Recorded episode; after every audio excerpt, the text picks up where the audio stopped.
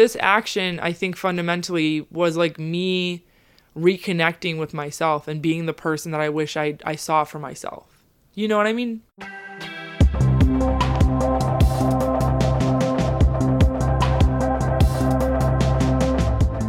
Hi, everyone. Thanks for tuning in to Naro Podcast and Happy New Year. This is Karolis Vyšniauskas coming to you from New York. I just finished my first semester here at NYU Journalism School, and today I'm excited to share something I was working on during this time.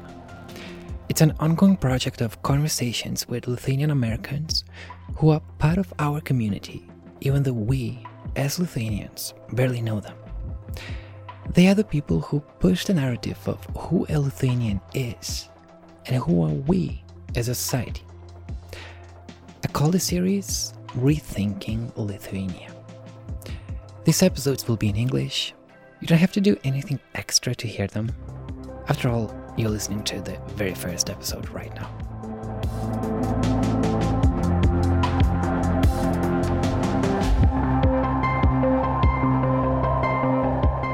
And now let's go to Chicago, to the historic Lithuanian church at Marquette Park. The day is September 23rd. Lithuanian President Gitanas Nausėda is here. He's giving a speech.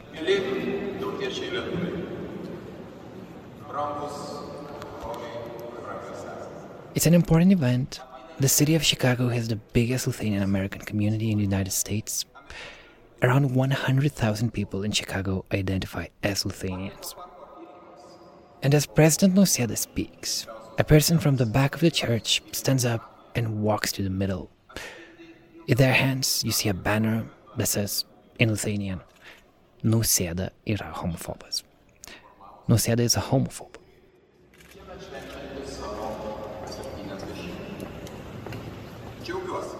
People look at it, they don't know what to do. The priest comes to the person, the person doesn't pay any attention. The woman comes to the person and tries to cover the banner with her body and with her jacket. At this moment, the president's guards take the banner from the hands of the person. The person starts chanting, Marriage equality now. Oh.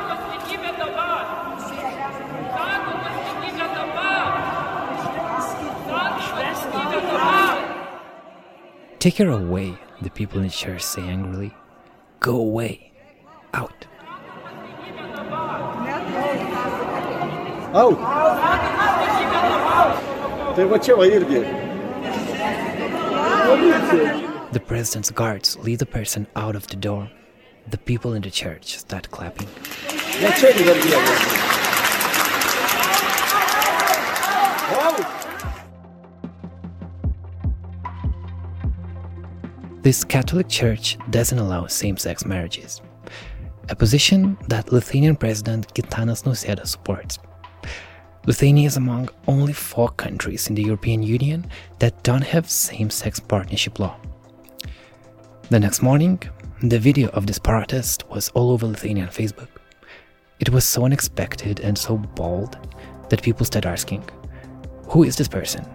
Are there many queer Lithuanians in Chicago who care about same sex marriage? This fall, I went to Chicago to meet the protester. Their name is Agle Mulinauskaite. They identify as non binary. Here it is the very first episode of Rethinking Lithuania. Hi, Agle. Hello. Where are we now? We right now are at my place in Bridgeport in the city of Chicago in the United States of America. Did you grow up here? No, I was born in Kaunas. I was born in 1994 and I moved to the US when I was 6 in September of 2000. And you finished high school here and university as well? Yes, I finished high school. I, I did a one year at Lincoln Way East High School in Frankfort, which is a southwest suburb, and then I did three years at the Illinois Math and Science Academy in Aurora, which is northwest of the city. Yeah, I did college at the Illinois Institute of Technology. I got my degree in biomedical engineering, and I was also a pre med student, so wanting to go into medicine. Mm. So you were always good at maths and. Uh, Math and science was always Yeah. easy for me. It, it just it was something I was always interested in. I mean, I was good in the other subjects too, but there was just something I don't know, there's just something that could be said for the rules and, and of math and then of science. Um, I was just always fascinated by biology, the human body, the way like the, the body systems work and interact with each other, and then the the body really on like a microscopic level and how our cells work and, and how disease happens and things like that. why was that interesting to you? Um, you know, I I think just as I understood more about the human body, I felt like I understood more about myself and the people around me. I was just always fascinated by how things work. I think growing up, my mom would say I was in and, in and out of hospitals when I was young.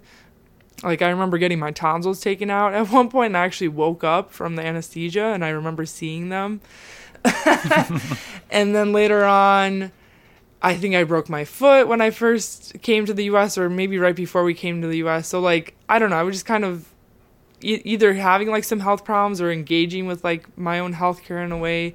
And so, by the time I was learning how the heart works, or how the brain works, or how, you know, all these other organs and body systems work, it was just so fascinating to me. And then in high school, I took this class called Molecular and Cellular Biology, where we learned fundamentally the details of how cells replicate. And it just, it was beautiful. It was like this dance of like proteins and, and enzymes and all these things kind of coming together to make to make you alive and to to make you grow and to make you kind of live as a person and then yeah just understanding that more was always fascinating to me Hmm. And also see a lot of art in your in your room. I see a song list by a band OutKast. yeah so Uh, what's what, what's so with that? in 2014 i went to lollapalooza this is a festival that happens every year in chicago sometimes I- i think during the pandemic it might have not happened but um, it's like this huge festival and so i went to see OutKast um, they're known i think for their main song that they're known for is hey ya but i was in the front row and i actually asked um, the security guy if I could get the set list. So what you're looking at is the set list that I think was attached to the drum set or something like that. So this is a big thing. This is what the artists use to know what like the the list of the songs they're going through is. And so when they finished playing, I was standing there, you know, I was being a good good concert goer and I was helping the medics too and and and you know, just kind of um excited for the set list. And then they they took it off the the drum set or something like that or like the wherever it was located. And then they handed it to me. And ever since I've kept it as this like I don't know memento. It's like the closest I ever got to like an artist or or whatever. So yeah I'm a very sentimental person. If there's one thing you need to know about me I'm a sentimental person. I will hold on to little knickknacks or like little memories tickets things like that from places I've been just because like I don't know, like it's fun to reminisce about like those positive parts of my life and, and memories and things like that. Hmm. One thing that people know about you in Lithuania actually is a pretty different thing, and and that's how that's how I, I found out about you as well is as um, uh, someone who did this very bold protest in Chicago in a church in Chicago when our president was giving a speech there, Yeah. and you just you just stand there for a few seconds saying that actually the president is a, a homophobe. Yeah. Uh, well, for the fact he opposes same-sex, not even marriage, but same-sex partnership, Partnership, which right. is still illegal in Lithuania. Mm-hmm. So that's yeah, that's how I found out about you, and that's why I want to talk to you. But also, that's not the only thing I want to talk to you. Mm-hmm. But let's remember that day, and let's have some cl- more clarity on what really happened, because that was portrayed in Lithuanian media. Uh, it was it went pretty viral, Mm-hmm. but we didn't really have an opportunity to learn more about you as a person and why did Yeah. you do that and why was that important to you um, so why did you do that what, what what what was your thinking behind that Sure. So, you know, I am someone who is very politically um, kind of in, involved here in the United States. But when it came to Lithuania, I never felt kind of as involved as I would like to be. And it wasn't until uh, President Nausėda was elected, and then later on, I learned about Raskevich was being elected to the to the parliament, and you know, and this kind of this kind of momentum building for the partnership law, and just seeing and hearing the way the president would show up or not show up and support was really frustrating for me as someone who's part of the LGBTQ community. I knew I had this opportunity to disrupt. I I found out about him coming to Chicago. It was a Thursday that he was here, and so I think I found out Monday or Tuesday, and I got a notice from uh, the consulate. Um, a family member actually told me about it, and at that point, I was like, okay, I'm gonna do something, and I I have an idea of what I want to do, but I know I can't do it alone, and I would just need someone to support me to take a video of me or, or a photo of me, and I had no idea that it would go viral the way it did, but you know, knowing what I knew at that point, I I was clear that he is a homophobe, that he obviously doesn't support the partnership law he didn't speak out against Hungary in terms of like the legislation, anti LGBTQ legislation that they passed. He like sent a video message to one of like the anti LGBT rallies and he stepped back and said, Oh, this wasn't in support. This was just like a message to send or things like that. And then I think I've heard that there would be no education about queer people in Lithuanian schools. And as as a young person, that's so important for young people who are trying to understand their gender identity and sexuality. If you learn about it in school, especially sexual education class, you're more likely to kind of, you know, understand yourself better and and, and not feel so lost. And try to, you know, especially in a country like Lithuania, try to grapple with like, do people like me even exist? So by not supporting these things, I knew he was a homophobe. He's still a homophobe. And I wanted the the message to be directed at him and not the people in the church, though certainly by the time I was holding it up, I could sense the animosity, you know, from the audience. They were very angry that I was obviously at a church. They were upset that I was taking time away from, you know, the president. The president is supposed to be the, the, the most respected person in a country, and I was disrespecting him. But at the same time, I think what I did offers an opportunity for Lithuanians, all Lithuanians, to reflect on their own internalized homophobia and transphobia. Because if you're upset by what I did, what about that upsets you? Mm. Are you upset that I disrupted him? Are you d- upset that I called him a homophobe? If you voted for him, are you upset? Maybe does that make you feel like am i a homophobe if i support him? Things like that right? So this offers obviously a conversation to, to happen on multiple fronts and i think that happened in a lot of ways by me going viral but i i want people to understand fundamentally that the people that i wanted to see this happen were queer lithuanian youth because i want them to know that i support them because i'm one of them and I wanted certainly, you know, Thomas Raskevich to to find out about it to see that, you know, it's not just Lithuanians who care about this law. People who I wouldn't be directly affected by it because I live in the United States, right? But I'm still Lithuanian, and what happens over there still impacts impacts me in, in in some way because it's it's the place that I was born. It's the place that I still care about in a lot of ways. So yeah, that's fundamentally why I did it. And it was a scramble to make it happen. The I think the event started at like 11 or, or noon or something like that, you know, in the early morning. And I think around 9 or 10, I was getting my friend together. I was picking uh, him up for where he was at. And I was, I took a, a, a pillow, I think bed sheet or something like that. Mm. I even mm. forgot, like, I, I, I just took like a, um, so we, you know, cloth. And so I, wait, did you did you plan it like in advance? I planned it in advance. I mean, I, you know, I knew I was going to do it. It wasn't like I just sat there in the church and I wrote this. Like I yeah. came, I came with the cloth in my pocket. I yeah. knew that at a certain point he was going to go up to on stage and speak. So, so, I knew that I had to kind of time it correctly, so, right? So can you just take us through the day? So okay, so it's nine in the morning. The sure, like eight or nine. Yeah. So I'm I take the cloth, I'm I'm with my friend. I'm I'm talking with with him specifically because he's also a queer person, and he was encouraging me and saying like you're doing the right thing. You know i know you're afraid. I know you're worried or you're nervous. Just you got this. You got this. And we were talking and i was talking to him basically what i was telling you about like the different laws that he's not supporting or the way he's upholding anti-lgbtq um, sentiment. And i knew that i had to get there early and get a good seat. So as soon as we finished the the banner we drove straight there we parked and then went into the church. I actually saw some family friends there. I didn't say hello to them or anything. I mean, by now, like they knew that they knew that I was there, but um, but yeah. So I, you know, I sat down um, relatively close to the front, but like far enough that I didn't seem suspicious because I also wasn't dressed for church. I didn't have time to, and yeah, and and and you know, I had in my pocket. I waited until the other speakers were done. I waited until President Nausėda got up to the to the stage or to the podium.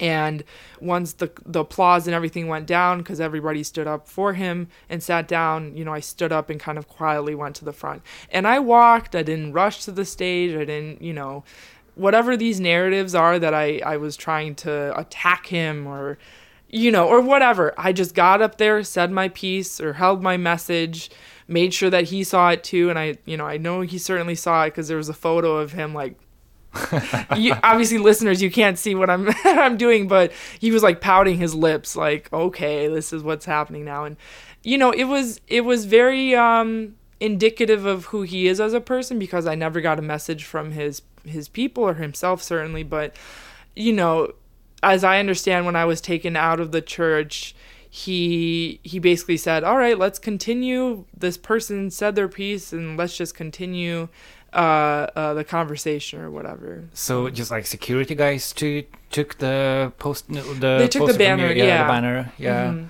Okay. I it- wish I, they gave it back to me. It's like a little historical piece now. um, did they use force on you or? you know, they used enough force to take it out of my hands and to, you know, tell me to leave and I didn't um I I you know, I didn't fight back or anything. Yeah. I just once they were, you know, leading me away, I knew that my time was over and and I walked with them. Um you know, I, I, I stood my ground though when I when I began. Like there were people like um, I don't know if she's like the a church uh, worker or someone came up to me and said, "Okay, you're done, leave." And I kept standing there. I think um, one of the priests or someone came up to me from the church also and said, "Okay, you're done." Please leave. And they were very nice about it. Lithuanians, you know, we're very nice people, I guess. They were passively aggressively nice. Like, please leave. But no, So those people were Lithuanians. they were Lithuanian. They were speaking to me in Lithuanian. Okay, Yeah. I mean, everyone was, and and even I think when I was taken outside and questioned, then they asked me, "Are you Lithuanian?" As if the Ah. audacity that someone who's Lithuanian could do something like this. This must be an American only. No, I'm Lithuanian. Yeah. Um, and you made sure that your, uh, your friend will film the yes. whole thing. Yes. Right? my friend was there for moral support, but also to film and and to you know get some photos because I thought that's the only person who would um, capture this. And then you know we put it on Twitter, and then we tagged uh, Thomas Raskevičius his Twitter account, and we're like, okay, that's it. Some people will see this, and then all of Lithuania saw it. What was going on in your mind at that time when you're actually walking and you know that okay, I'm gonna do it now? Were you were you scared? Were you excited? my heart was racing when you know when you have a thought of doing something like this and you feel so compelled to do it you know that compulsion or that that need to do it over kind of overtakes the fear. But the fear is still there. The nerves are still there. There was a second of hesitation before before I got up but but I knew you know it's like it's like this feeling of like if not now when? Mm. If not now at one point in my life would i ever get another chance like this. So then i you know i got up and i, I did what i did. And i don't regret it. A lot of these um, you know uh, uh, uh, newspapers or like different media outlets from lithuania ask do you regret doing what you did? No i would do it again. I i, I and i want to make this very clear. If you are a lithuanian who knows Nausėda is coming to town do the same thing. Please continue putting pressure on him because he's not backing down. You know, I mean, we can talk more about like things that have happened since um, this action, but I don't think he's fundamentally changed in his views. Yeah, and it's not like this protest is somehow. I mean, it's it's a it's a banner, right? You you're not using force, so you're, No. you're not. It's it's it's a peaceful It's a peaceful, peaceful protest, yeah. right? Right. And uh, I guess what made it uh, so uh, important is that it happened in a church, right? Mm-hmm. And and not any church, but in a specific church that Lithuanian Americans would gather Right. for decades. right. Did you have any relation with that church yourself? I did. So the church is located in this neighborhood called Marquette Park in Chicago.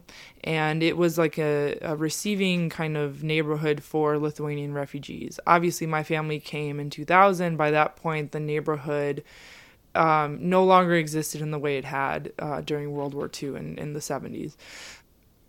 I'll be honest. I I was in that the last time I was in that church. Um, I was attending a funeral, funeral services for a close friend who had taken her life. Her name was Nida Normantaite, Sorry for that. and that was what the church was to me. The church was, you know, kind of this kind of loss of someone close to me, and it was like, it, it I just had like a negative emotion associated with it. And now at this point, I have one of the most positive experiences of my life. It feels, I mean, I, I feel like I, this action was a turning point for me as a person. And I'm glad I did it. And it felt like, yeah, and it felt like I did it not just for myself, but for every queer Lithuanian young person, whether they, they're alive now or, you know, queer Lithuanian people have always existed. I think some people who might think this is a fad or this is something new or maybe this is like Western ideology or something getting to us. Like LGBTQ people have always existed. Whether or not they have been open about their identity, that's a different thing. So, you know, and I think it's, I, I've been reflecting on this a lot. Like, the Catholic Church doesn't have the best track record when it comes to human rights or even you know this kind of narrative that i'm seeing a lot of lithuanians um, pushing that that queer people are pedophiles or have some kind of pedophilic tendencies whereas the catholic church has been caught for actually sexually abusing children right? So it's like this dichotomy of like of like who's the at fault here? Who should we be focusing our, our, our efforts on? You know what i mean? So and I, I get that that's like a whole can of worms to open up but but i don't i don't necessarily ascribe to to catholicism in that way like i felt like really stuck and, and kind of unsure of, of my own religious background just because i was raised catholic but i also know what what um you know what it means to to to kind of be raised in a religion that has done so much harm to people. Hmm. You know what I mean? Yes, definitely. Uh, I think for Lithuanian Americans, uh, uh, the church was always like uh, what, what the place where they can gather, and Sure. for, for it's like a community space. Sure. So maybe for some people, it felt like you just somehow va- violated their, their space. I can I Mm. Can understand that sentiment. And um, did you have a chance to talk from with anyone from the community? Are you are you even do you feel like you're part of Lithuanian American community in Chicago because it's it's huge, right? It's It the, is It has the biggest community in the whole U.S. as far as I, I think know. so. Yeah, it's the largest one in the U.S. Um, you know, it's a complicated answer to that. So I there have been times where I have felt part of the community. Um, my family and certainly my parents have tried to stay maintain you know con- like contact and friendships and and go to community gatherings or or art openings or, or you know events and things like that. Lithuanians always try to maintain a sense of community, right, and camaraderie. Um, and I get it, like the way you talk about this church as being a community space, it does feel like I infiltrated on it or, or kind of, you know, breached on or violated it. But at the same time, I think what I did offers us an opportunity to expand idea of community, right? Um, Lithuanians who are queer are also part of the community. They are. They're Lithuanians too, right? And so not all of them have the best experiences in being in church settings. And a lot of the narratives that that we get about our queerness is that it's ungodly, you're going to hell, things like that. Like why, you know what I mean? So so I've had to kind of grapple with that, but also I've been to the, not necessarily that church, but the church that I would go to more often, or the community center that I would go more often to, is the World Lithuanian Center in Lemont. That's the place I kind of grew up in. Like I remember my my youngest brother, um, his baptism was there. We have had like different events that we've gone to, or like different family functions. Um, I was a camp counselor in the art center in in the basement for a couple years, so you know I've stayed involved whether or not I felt like I could authentically be myself, my full self as a queer Lithuanian person, like that that never felt like fully right. Like even, you know, as a non-binary person, like I I don't use it's easy in easier in, in English to say like I don't use she her pronouns, I use they them pronouns. That doesn't really feel like I can have that conversation with really anyone in Lithuanian um because the pronouns are gendered right? And so in the eyes of people, I will be Agle Mulinauskaite, a woman, always. And that's just not how I feel. That's just not who I am. So that's fundamentally this kind of conflict, internal conflict that I have every time that I'm in a space. Right? And at one point, I will say there was there was a one point where I was really kind of I think this was like a holiday uh, uh, gathering or it was like a I think it was a theatrical like presentation or something like that. And I came at a certain point with my head shaved because I was really kind of um, engaging with my queerness and trying to you know kind of see what I liked, what I didn't like. And hair is such a big you know thing attached to femininity. And by shaving my head, I was like, okay, I'm gonna try this like hyper kind of masculine feeling look and i remember all these eyes on me just like i felt like an outcast right so feeling like an outcast and um, having that experience puts me in this con- conflicting space as a lithuanian. Like i'll go to these spaces i'll be part of the community but i don't necessarily feel like myself all the time. Mm. so what i hear that lithuanian community here in chicago is uh, you can meet other people there they can help you you can you can have a community feel but as long as you kind of go f- further from this standard mm-hmm. how a Lithuanian should think like should look like mm-hmm, then mm-hmm. then suddenly there's there's a problem yeah that's what it feels like um, especially as as someone who's raised as a Lithuanian girl Lithuanian woman I think there's also expectations of that. There's I've had conversations with family about you know, body image expectations. Like you're expected to be a certain weight or have a certain look or, you know, just present yourself in a certain way. And that to me feels exhausting to maintain, you know, and it's unhealthy to maintain. So I just think my queerness and my my reflection of my gender and sexuality has offered me an an expansiveness, mm. an opportunity to expand what what it means to be Lithuanian. Mm. Fundamentally, yeah, I think, and and and since then, what I will say, the action that I did has done for me, which has been the most wonderful feeling in the world. I've been able to connect with queer Lithuanians, not just in Lithuania, but all over the world. What a gift!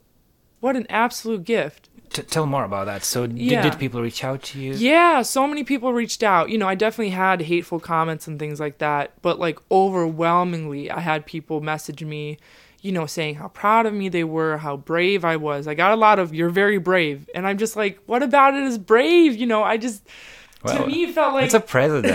It's I know, church. I There- know. It's, it, it's, it's, there's a lot of power in these institutions. yeah i guess i guess to me i it, it felt like a common sense thing to do at a certain point it didn't feel like i had to be brave it felt like i was compelled to do it you know what i mean and and so when people tell me you're brave then i'm like should i be afraid then to, have done it more than i was? You know what i mean? But i will say to to the point that i was making before um people connected with me. People who share my values, who see me for who I am, who were asking me about my pronouns. I've had even someone who was a family friend who connected me with with other you know media folks um, and said like, "Oh, I used to I used to grow up with your cousin, or I remember in childhood. Oh my goodness, it's you who did this." And I'm like, I didn't even know that I knew someone who was queer, who had like you know connections with my family. Oh my goodness. So it's just like I said, it's been an expansive experience to share this part of myself with with the world because ultimately it wasn't just me going against Nausėda with the statement. I essentially came out. You know, it was like my coming out experience. Really? I mean, that's ultimately what it's been, right? Because like I've come out to family, I've come out to friends here in the U.S., but not to to certain family members in Lithuania. Yeah. But And when you suddenly have Lithuanian media right? Yeah, and they're asking you, "Are you part of the community? Who is your partner?" Or like all these questions, and I'm like, "Well, I am part of the LGBTQ community. You know, I." I am bisexual and I am non-binary. There you go. Is that what you wanted to know? and now then my family is like, "Wait, now everyone knows." And So, so this is the part that you didn't plan, right? I didn't, you know, I should have I should have thought that like, yeah, that's what I'm going to essentially do and I didn't I didn't realize that that was going to be the fallout of it. But I'm ultimately glad that I did because it's it's been liberatory. It's felt and this is why I tell folks again, I will make the the the call out to, to folks. Please, if you are queer and you feel in, inspired by what I have done, please do it again.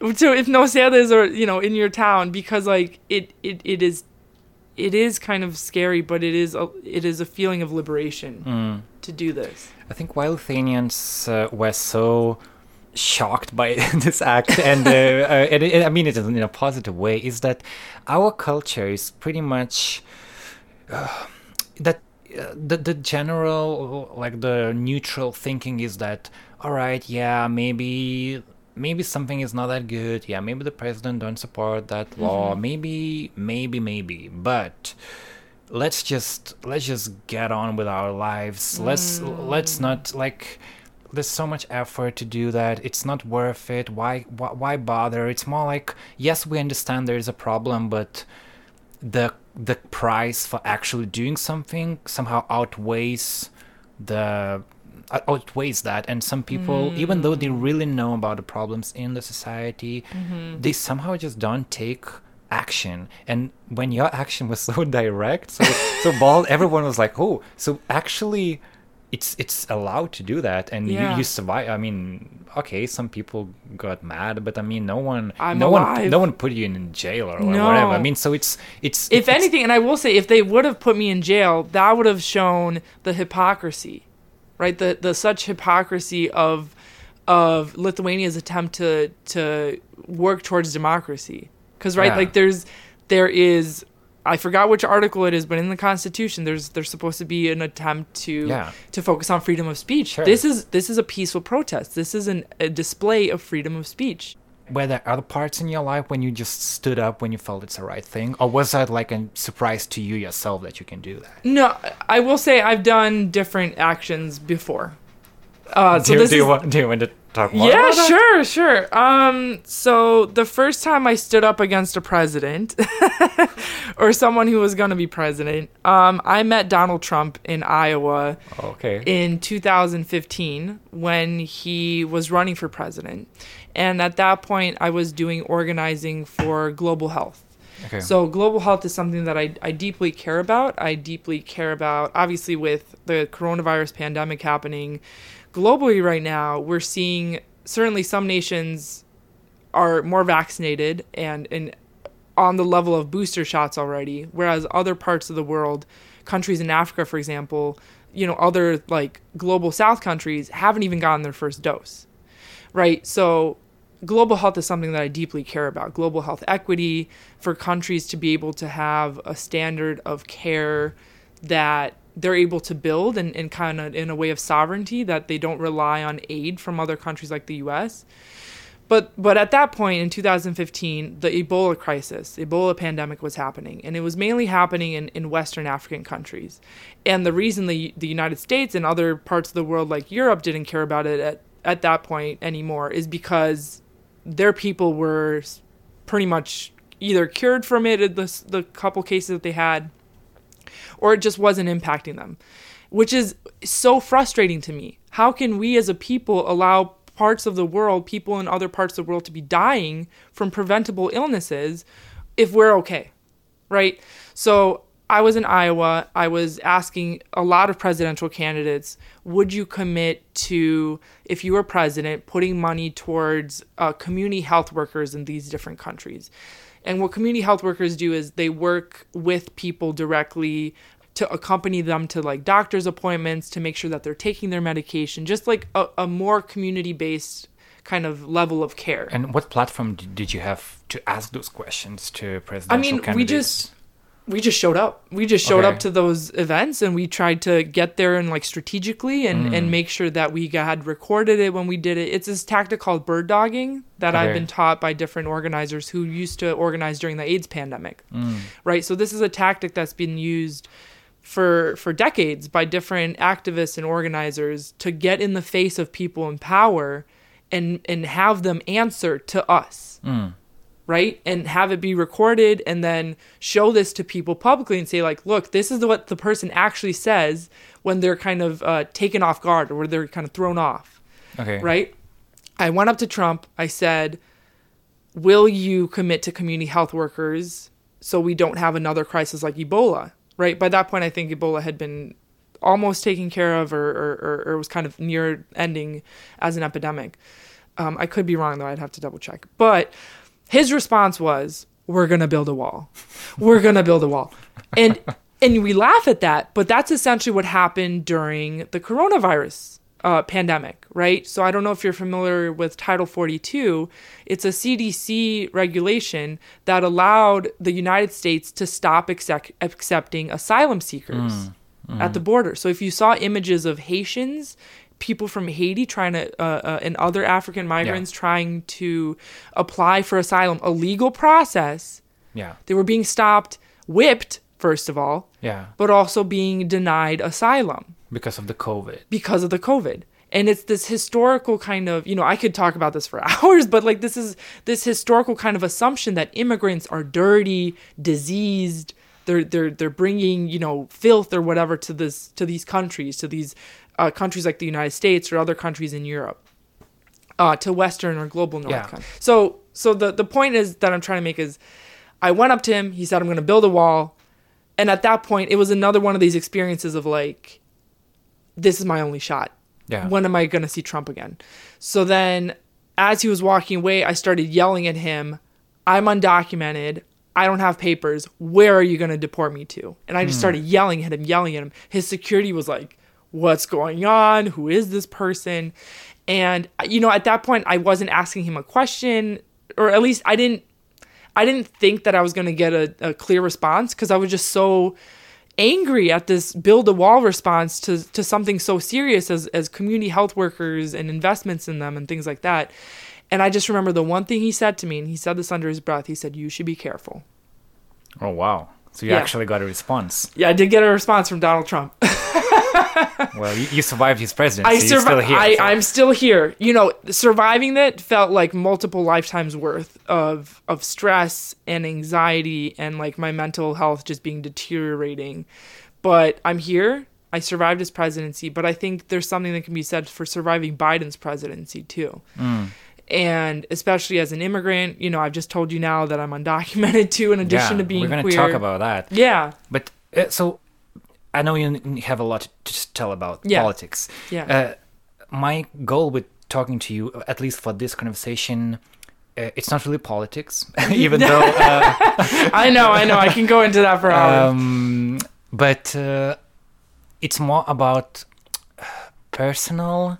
Like, how do you overcome some walls inside your own head and do something? Because um, y- y- you have to admit that saying something to Trump when he's directly there, there's you have to have some gut to to do that because uh, no matter what you think about him or Nausėda or whoever about his people, yeah, they have a lot of institutional power. Power, right. Okay, at that time Trump wasn't a, a president. But he had power. He Yeah, had he he had already had a lot he of was, power. Yeah, he had a lot of people. I mean, just his supporters. Yeah, there. and I think we as Lithuanians, and it's similar in a- lot of other cultures, is that we are taught to kind of respect the authority, even though if you don't agree with them, but just just to be just just to be safe, maybe Yeah. maybe just better do nothing. And I understand that it maybe it comes from uh, the Soviet days when it was a clear hierarchy. Mm-hmm. That that's that's kind of.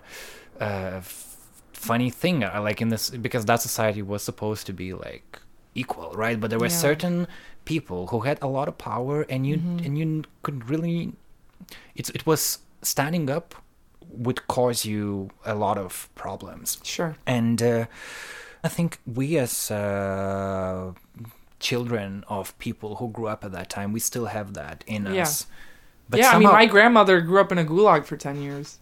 yeah Yeah. so, yeah, like that was my that that was what was taught to me, and so how did you overcome that? That, that, that that's my that's my question. Yeah, you know, I am someone who has always been on the side of the underdog. And I say that because a, a memory that comes to mind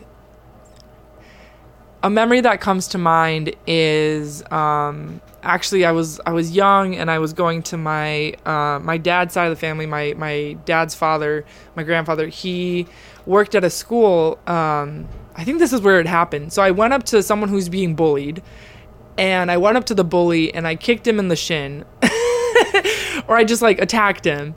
And I remember at, from that day on, I couldn't go back to that school. They, you know, they were very upset with me. But I think that kind of story speaks to who I am or who I try to be as a person. Like, I fundamentally cannot stand oppression.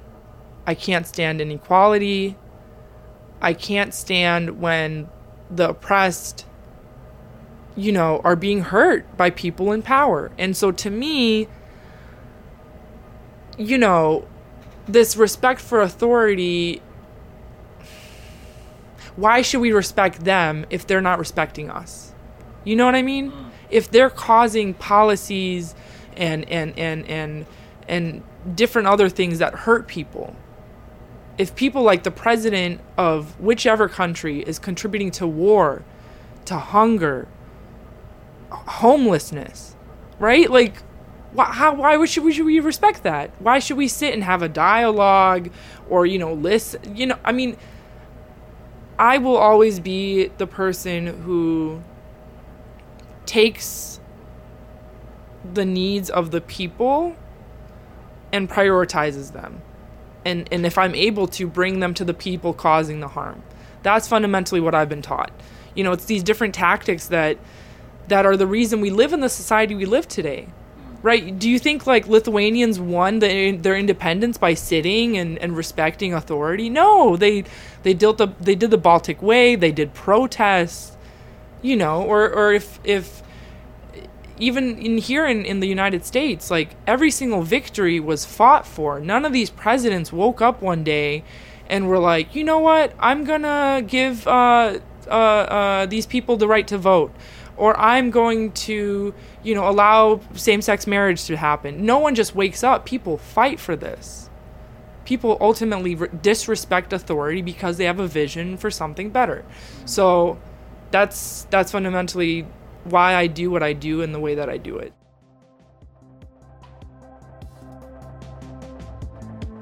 Two quick notes before continuing the conversation with Agle. First of all, there are many people who should be invited for Rethinking Lithuania conversations. And we just don't know about them. But maybe you know. Please go to nara.lt slash rethinking Lithuania and offer us a person with whom we should be speaking next. They don't have to be Lithuanian Americans. They have to be global Lithuanians who care about our identity and have important things to say about it. And also, please support us on Patreon. Patreon.com slash NaraLT. That is a place to go if you like our independent journalism. There are more than 500 people who support our work, and we'll be happy if you could join them. And if you are among those people, Well, you're the best. Thank you. And now let's continue our talk with Agle Mulinauskaite.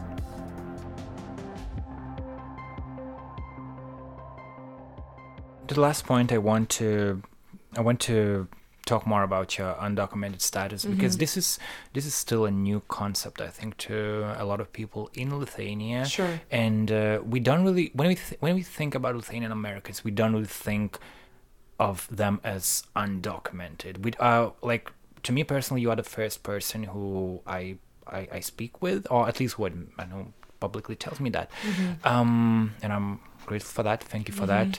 Um, and uh, just if you could explain the whole concept, because when you say undocumented from Lithuanian perspective, it means that you almost like you're like a criminal. Like you just cannot you, you cannot live without your ID. But Sure. in America, like uh, here in your room, you have uh, your like a um this not a prize but like a uh, Oh, it's like a yeah, it's like a little um, award for undocumented student organization. Yeah, so so your high school, uh, College. or, or the college, uh, you had your own undocumented students organization. organization, yes. Yeah, and there's a lot of undocumented people, activism, politicians are talking about. it, But at the same time, you don't have some of the basic rights, like like I don't know, you cannot vote, I cannot vote. you cannot. Uh, I don't know. Can can you get a job? You can't get a job. So I can get a job. Um, you know, undocumented people, we we do what we have to do to survive.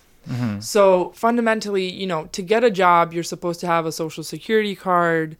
Um, you're supposed to have certain documents, but you know, undocumented people sometimes we work under the table. Sometimes we have deals with the employers that you know you're just going to kind of pay me directly, things like that. What I have as a DACA recipient. I don't know if you're familiar with that. DACA recipients, it's the Deferred Action for Childhood Arrivals program that was started in um, 2012.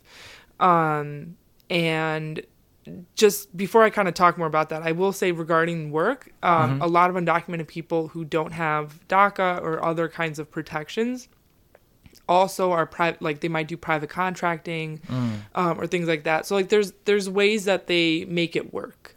You know what i mean? Um, and in regards to voting um, i do want to make a point that you know i cannot vote in like um, federal elections or like state elections but there are some states in the united states or sorry, sorry not states like towns or municipalities where people can vote for um, the mayor um, for for different like local government, like hyper hyper local. Can you vote for the president? I cannot vote for the president. No, I'd like to. I mean, his policies certainly impact my life. Here in Chicago, we also have this thing called local school councils. Um, I won't go too much into the politics or whatever of it, but you know, um, undocumented people can actually run in those elections and represent the school district that um, their their child might be in, or, or you know, like the the little kind of neighborhood area that they live in. So there are opportunities for undocumented people to engage civically, but obviously it's very different than citizens. Now, this program, DACA, Deferred Action for Childhood Arrivals, started in 2012 by President Obama at the time. And as soon as I found out about it, you know, I knew that this was going to change my life in some way.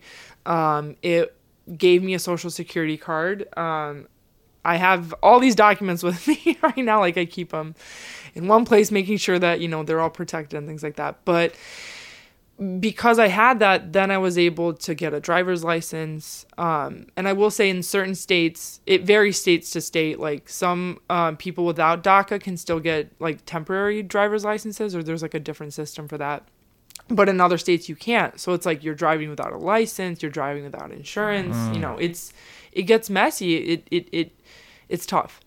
Um DACA also um, gives me the opportunity to work legally in this country and is supposed to protect me from deportation. So, in order to receive DACA, though, you have to pay about $500 every two years to renew it, which is a lot of money and you also have to fill out this lengthy application where you basically sh- show that you don't have a criminal record, that you're currently in school, or you have completed some form of higher education or, or high school. You know, and it's it's invasive. It's invasive. Some people actually ha- like who are uh, uh, eligible for it haven't filled it out just because why would I give my information to the government Yeah. then if this program was taken away or things like that, Yeah. then they have access to all this Yeah. information about me. Right? So ultimately what any of these, you know, kind of systems related to immigration do is this government, the state surveils us. It takes so much information from us that then can be used, you know, um, if we're attached the, the the criminality, right? If we're seen as a criminal or if we, you know, come in contact with law enforcement, then that can be taken away from us. So, you know, there have actually been examples of like people who are eligible for DACA who have come in contact with law enforcement or something has happened and they're deported or like they're put in deportation proceedings, you know? So so it's it's always tough. It's it's I mean, even now as as an organizer, as an activist, like there I think that I have a greater fear honestly of deportation than I have of like hmm. anything else. And it's tough even saying that you know as a white undocumented person because like i'm not a priority for ice. Hmm. I'm just not. And we have to be real about that. Like when you see images of immigrations and customs enforcement or customs and border patrol going after people you know they're not whipping europeans. Yeah. They're not going after undocumented Canadians. There's about 500,000 of us in the United States. But how often do you see stories or, or, or hear stories or see negative experiences? Certainly, I will say the deportation defense work that I've done, there are people who are from Eastern European countries who are in detention sometimes hmm. and who get deported. Like I had a family friend, or not a family friend, but just, just a friend whose father was deported to Poland Yeah. right? And so ultimately, I think what that does is because because Lithuanians or really other Eastern Europeans are so quiet about their status, when they are put put in deportation proceedings, it's harder to get them help mm. because they're so secret about it and so shameful. You know, I don't want it to be shameful. I want people to have each other's backs and to fight for, you know, deportations to be stopped, the laws to change, and things like that, and for us to work towards citizenship for all. So, to your knowledge, um, are there a lot of undocumented Lithuanians in the U.S.? That's a really good question. I will say, off the top of my head, how many do I know? I don't want to give a specific number because then people will be like, "Who are they? What are their names?" But um, but you but you know some yes. other people. yes, Okay, and wh- what what uh how do you become undocumented in, in Sure. the US? Like in your case, you said um, you were born in 1994. 1994, I came across the Canadian border with my family. So we, my parents had uh, visas at the time, and myself and uh, my younger brother, um, we were just in the back of a car and they snuck us across. And that's usually one of two ways that you become undocumented. You either enter the country without inspection, either the northern or the southern border usually, or you come with a visa and you overstay it. And I'm just trying to understand. So you were six years old when Yeah. Mm-hmm. you got, into this country. Uh, uh, how, how how was your life like when you were a child? You suddenly you you said you grew up in Kaunas, Kaunas, and you mhm. are here without really knowing the language. I didn't know English. And uh, so, how do you? Yeah, what what were your first years here? How did you manage to finish school? And uh, Yeah. So trying to just a lot of memories coming back. So, you know, it was it was scary. I think it was it was definitely something new. It was I remember first grade cuz I came in September, so I think almost immediately we I started first grade and my younger brother started kindergarten. And I remember my first day, I was so scared of the kids. I was just so like you know, I felt like such a such an outcast, such you know, such a um like I don't know what I'm doing here and I I physically didn't have the words to to communicate with them. I mean, I knew maybe like a couple words in English, but you know, I had to pick up on English very quickly um just to do well in school and I did. I I mean I was like a voracious reader. I would like read everything that was in front of me and I still I still am nowadays. Um but I think school was always one of those things that helped me.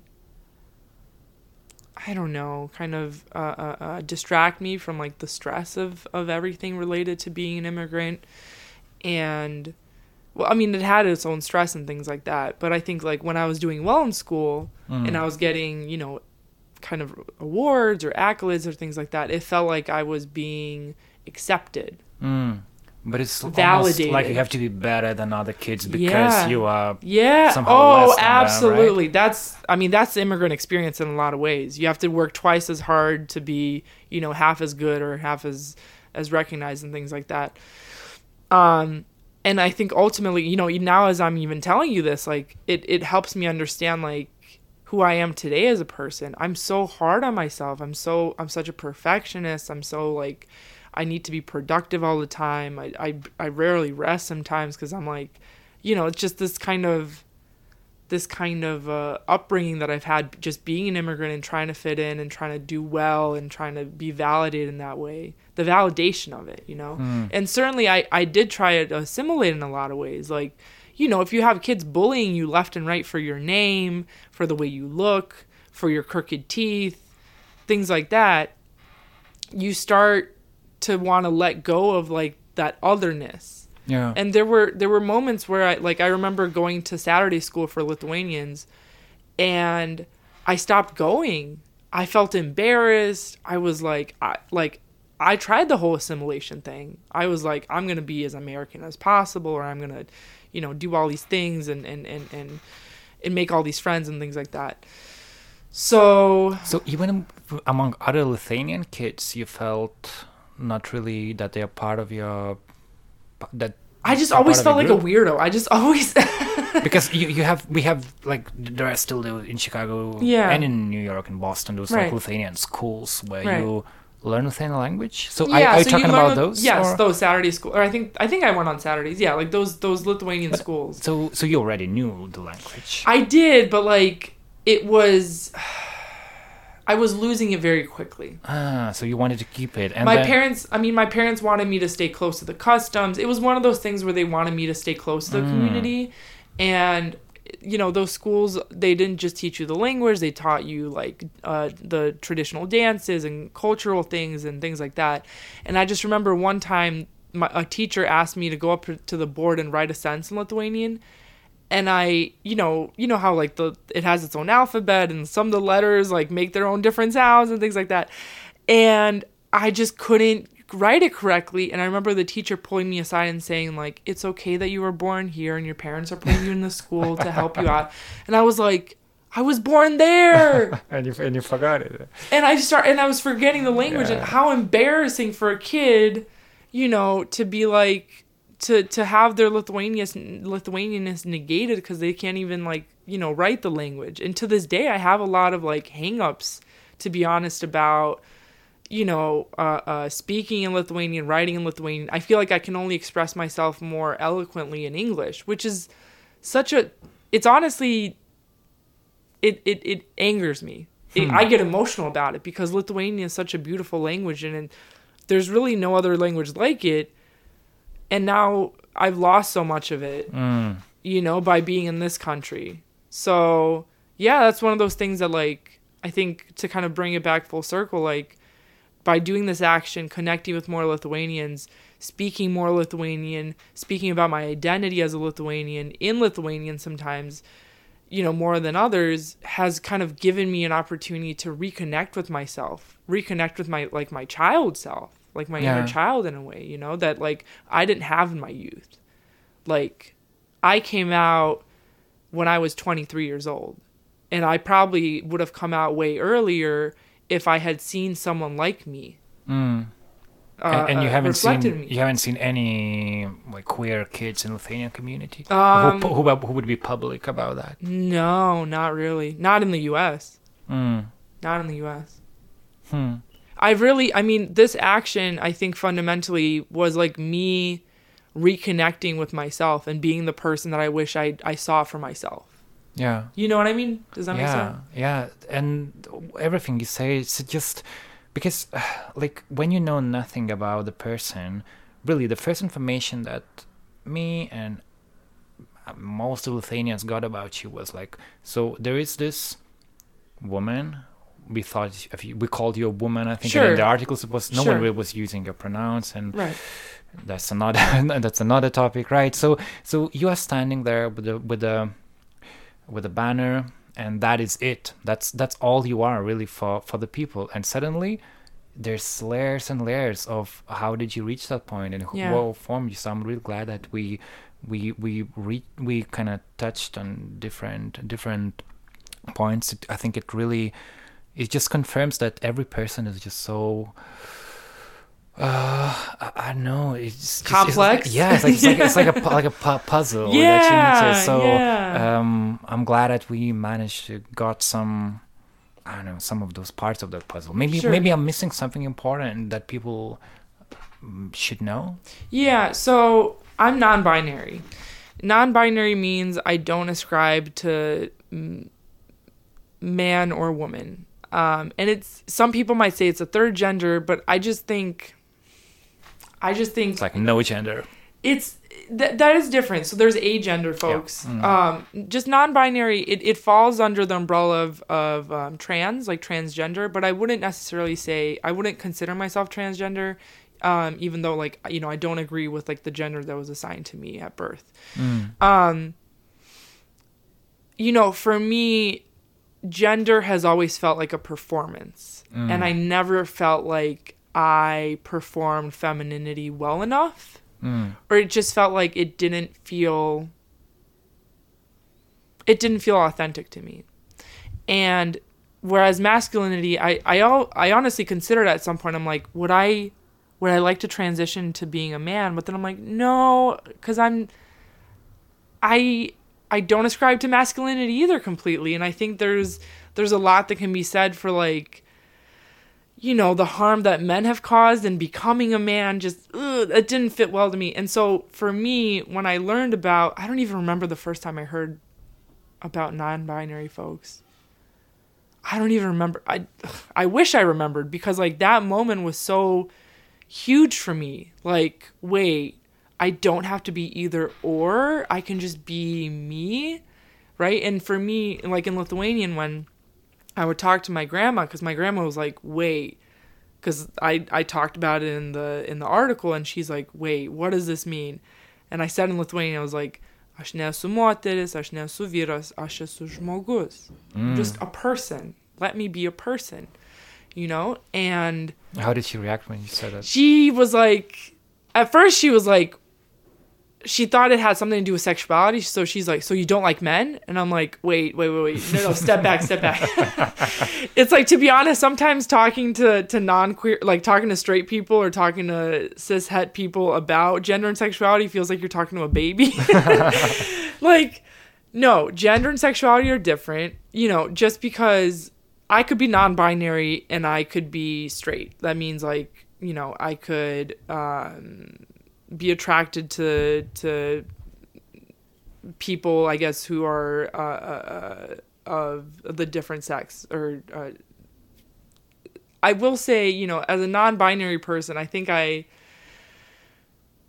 i think i also expand the idea of gender and sexuality because fundamentally if someone is attracted to me that also doesn't like that means that their their sexuality is not completely straight you know what i mean like Yeah. um i think i think what's be- been beautiful in, in in reflecting on my my gender identity and my sexuality as a bisexual person and gender identity as a as a um, non-binary person is seeing in nature the way that gender um, is expansive too. So there are, I'm trying to remember this. I think there's like a butterfly or some some insect that like changes its gender midway through its life point. Okay. Didn't. Or then there's like seahorses, like the male seahorses are the ones that give birth. So you know what I mean? Like in in nature, gender is so expansive. It's just not just male, not just female. And homosexuality is not, you know, an unnatural thing. it's just because we've been raised in in this society that assumes that you know heterosexuality and male female that's it. You know that's tradition that's whatever. No no. And you know something that i've been reflecting on too is like where is the history of queer lithuanians Mm. and why do we not know more of it and how far does that history go back because i will say a lot of cultures um, like indigenous cultures certainly in the us and you know other other countries um, a lot of cultures have queerness um, and and accept it and celebrate it so for me I often think like, what about the Baltic people who lived in present day Lithuania long before like Christianity or Catholicism or all these you know kind of uh, uh, uh, things came into play? Because I, as I understand, like Lithuania was the last to be Christianized. That's true. So those people probably had queer people in those tribes, right? Definitely, yeah. and and it's just a beautiful thing to think that like i can feel connected to people that lived centuries before me um and and not feel like these narratives that like oh this is just new that this is just a phase that you're going to outgrow it like no this is me finding out who i fundamentally am as a person and it's a beautiful feel like it's a beautiful experience it's a beautiful feeling. I'm still you know reflecting on it day in and day out and what it means to me. And if anything like it just offers me an opportunity to question a lot of things. Queerness offers an, uh, me an opportunity to question things hold up a mirror to to the people around me to society right? Like why why for example is medicine a male dominated field? Why you know why are certain fields uh, uh, uh, more masculine or considered masculine in nature and others more feminine in nature? Like why you know what i mean? Like things like that. And like i just as a person i want people to sit with themselves and to really think like is this all that i am? Am i okay with like the rules that are expected of me the norms that are expected of me? Like you don't have to wake up one day and be like oh wait you know i don't agree with all this that must mean i'm i'm queer or something. Like no you can still be you know cisgender and heterosexual but like don't make it so hard for the rest of us to live our lives just because we don't you know agree to like the the system that's been forced upon us. So. Yeah, you mentioned that you didn't really have Lithuanian queer voices when you needed them in your life. And I really had to become that person for myself. Like you have to kind of give birth to yourself in a way. It's Huh. like yeah, it's like a fascinating experience. Um, so I really hope that there are listeners who can connect with you and who you are to those listeners who you were looking for when you needed that. And it is, it is an I don't know, uh, it's optimistic, optimistic view. So thank you for thank you for doing this and uh, good luck to you. Act. Thank you. Thank you so much. I appreciate it.